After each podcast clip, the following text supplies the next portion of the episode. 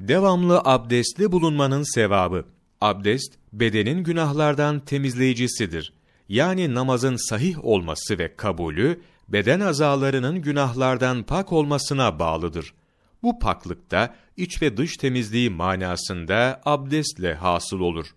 Ebu Ümame radıyallahu anh'tan rivayet olunduğuna göre, Peygamber sallallahu aleyhi ve sellem Efendimiz şöyle buyurdular. Mümin kimse abdest aldığı zaman günahları kulaklarından, gözlerinden, ellerinden ve ayaklarından çıkar. Eğer oturursa mağfiret olunmuş olarak oturur. Her kim abdestli olduğu halde vefat ederse şehit olarak vefat eder. Zira Peygamberimiz sallallahu aleyhi ve sellem ashab-ı kiramdan Enes'e buyurmuşlar ki, sana ölüm meleği, Azrail aleyhisselam gelir de, sen de abdestli bulunursan, seni şehitlik fevt etmez. Yani, şehit olarak vefat edersin demektir. Şu halde, devamlı abdestli bulunmak, İslam adetidir. Bostanül Arif'in kitabının uyuma edepleri babında denir ki, bize ulaşan habere göre Allahu Teala Hazretleri Musa aleyhisselama buyurmuşlar ki, abdestsizken başına bir musibet gelirse, ancak kendini levmet, kötüle, azarla, kına.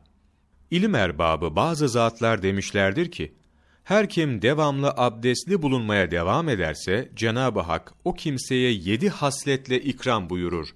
1. Melekleri o kimsenin sohbetine rağbet ederler. 2. Abdestli bulundukça defterine daimi sevap yazılır. 3. Bedenindeki azaları Cenab-ı Hakk'ı tazim eder. 4. Beş vakit namazlarında imamın iftitah tekbirine yetişmek kolay olur. 5. Uyurken Allahu Teala onu insan ve cin şerlerinden koruyacak melekler gönderir. 6. Sekerat-ı mevti yani can çekişirken olan dalgınlığı kolay olur. 7. Abdestli bulundukça Cenab-ı Hakk'ın hıfz ve emanında, koruma ve emniyetinde kalır. Şiratül İslam sayfa 82 Ahmet Kemalettin Üstün 54 Farz Şerhi sayfa 43-44 22 Haziran Mevlana takvimi